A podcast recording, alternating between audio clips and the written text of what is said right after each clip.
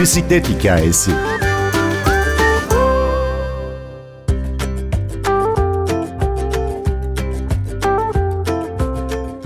Koronavirüs salgınında en derin yaralardan birini İtalya'nın Lombardiya bölgesi aldı. O bölgede Milano şehrinde yaşayan bisiklet aktivisti Pınar Pinzuti ile 8 Mart'tan beri devam eden sokağa çıkma kısıtlaması boyunca neler yaşadığını ve salgının tüm dünyada bisikletli ulaşıma ilişkin nasıl bir farkındalık oluşturduğunu konuştuk. Şimdi bu sohbetin ilk bölümünü getirelim mikrofona. Ben Günür Öztürk Yener, Bir Bisiklet Hikayesi başlıyor. Biz 8 Mart'tan beri evimizdeyiz. O tarihten itibaren artık gerekli olmadıkça kimsenin evinden çıkmaması istendi. Dolayısıyla birçok işte stratejik sektörlerdeki çalışanlar iş yerlerine giderken diğer sektörlerin tamamı aslında evlerine kapandı. Restoran, barların, dükkanların kapanması bundan daha önceydi. Bundan 10 gün önce yapılmıştı ama artık da kimse iş yerine gitmesin dendiğinde biz de mesela danışmanlık sektöründe çalışıyoruz. Dolayısıyla biz de artık evlerimize kapandık. 8 Mart'tan beri ne kadar çok şey oldu aslında. Kısa bir süre gibi geliyor kulağa 45 gün ama bu 45 gün içinde çok fazla şey oldu hayatlarımızda. Bireysel olarak hani paniği, kaygıyı, endişeyi yaşadığımız bir 10 gün yaşadık. Kimse hiçbir şey yapmadı ki o sırada aslında tüm dünyada işte şu müzeyi ücretsiz olarak gezebilirsiniz. Şu filmleri şu sitelerde bedava izleyebilirsiniz. Bunların hiçbirini yapmadık biz. İlk 10 gün çok kaygılıydı gerçekten. İkinci 10 günde hayatlarımıza yeni bir rutin koymamız gerektiğini anladık. Çünkü beklediğimizden daha uzun süre evlerimizde olmamız gerektiğini söylediler bizlere. Dolayısıyla yeni rutinler bulmaya başladık. İşte sabah kalkış saatlerimiz, ilk online toplantılar başlamadan önce birazcık fiziksel egzersiz yapması, aa şurada online bir kurs varmış şuna katılabilirim şeklinde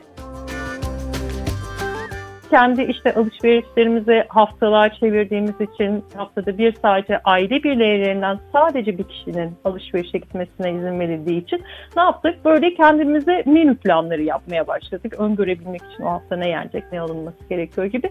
Dolayısıyla yeni bir rutin kurduk. Üçüncü 10 günlük döneme girdiğimizde Artık peki tamam bundan çıktığımızda yeni bir hayat bizi bekliyor. Peki biz bu hayatın içinde eski işlerimizi yapabilecek miyiz? Eski alışkanlıklarımızın hangisini devam ettirebileceğiz diye bununla ilgili araştırmaya başladığımız bir dönem oldu.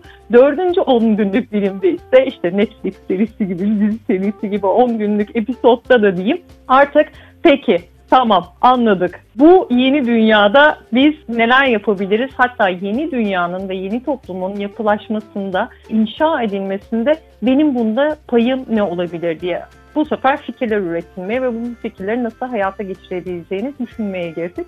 Bireysel olarak aslında benim çerçevemde buydu. Dışarıdaki hayat durmuş gibi görünse de aslında hiçbir şey durmadı. Bir sürü şey hala devam ediyor. Pınar, yeni dünya düzeninde benim yerim ne olabilir diye düşünmeye başladık dedin ya.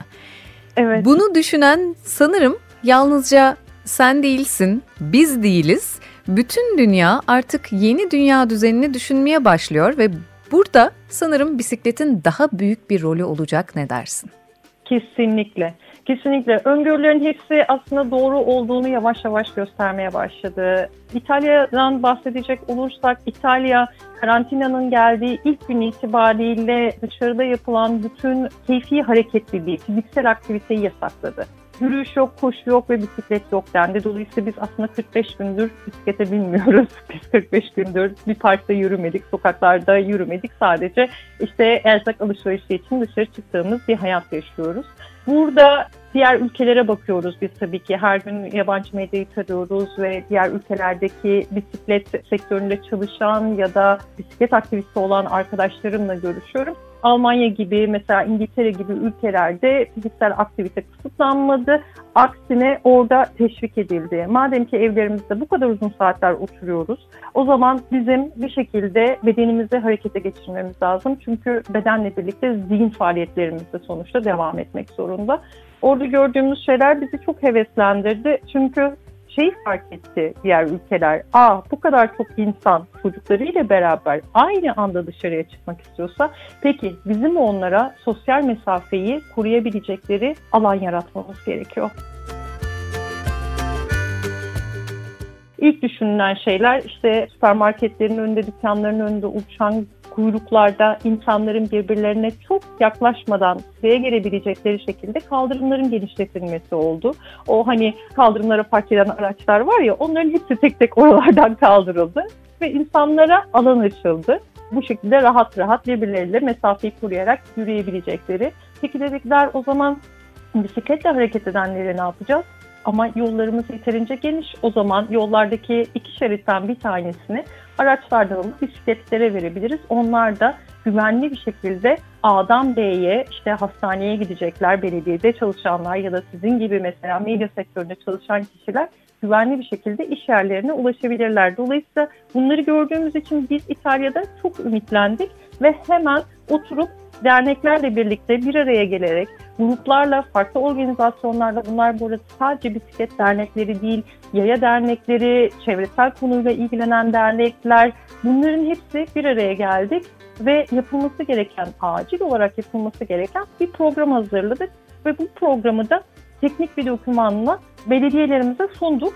Bunlar hemen değerlendirmeye alındı Milano'da. Milano'nun dışında Roma, Napoli, işte Torino gibi, Bologna gibi büyük şehirlerde bizim için bir tarih var şu anda. 4 Mayıs itibariyle kademeli olarak iş yerlerimize dönmeye başlayacağız. Onlar için de farklı farklı alternatifler sunulacak insanlara.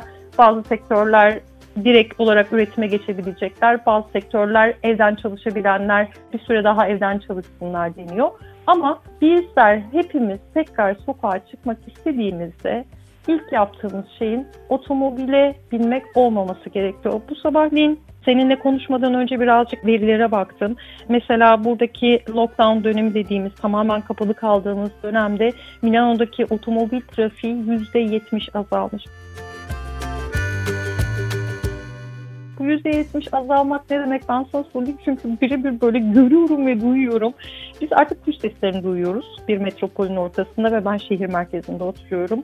Bizim artık tertemiz bir havamız var ki Milano aslında Avrupa'nın havası en kirli şehirlerinden bir tanesi. Her yıl hava kirliliğine bağlı sadece İtalya'da 80 bin kişi ölüyor. Dolayısıyla gelecek yıl 2020 rakamlarına baktığımızda Mart ve Nisan ayını elinde geçirmiş ve soluduğunda balkonuna çıktığınız soluduğu hava temiz olan bir ülkedeki işte o hava kirliliğine bağlı ölüm oranlarında düşeceğini göreceğiz. Tamam evet pozitif ve Covid'den ölenlerimiz var ama başka bir yerde çok daha farklı bir avantaj yakaladığımızı düşünüyorum. Ya bunlar iyi şeyler. Bundan daha önemlisi bizde artık trafikte kaza ve ölümlü kaza yok yaralanmalı ve ölümlü kaza yok. Dolayısıyla çok çok çok çok güzel bir şey.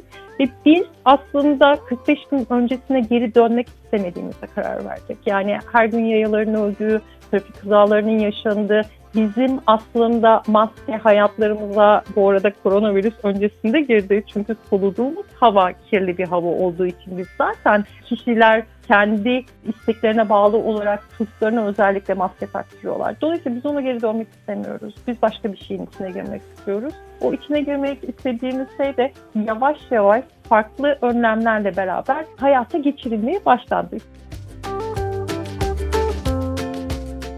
Bisikletizm adlı bloguyla tanıdığımız bisiklet aktivisti Pınar Pinzuti, salgın nedeniyle sıkı önlemler alınan Milano'da yaşadıklarını anlatıyordu. Bir sonraki bölümde son dönemdeki tecrübelerimizin dünya çapında bisikletli ulaşıma ilgiyi nasıl arttırdığını yine kendisinden dinleyeceğiz. Ben Günür Öztürk Yener, prodüksiyonda Atilla Özdal, bir bisiklet hikayesinde yeniden buluşalım.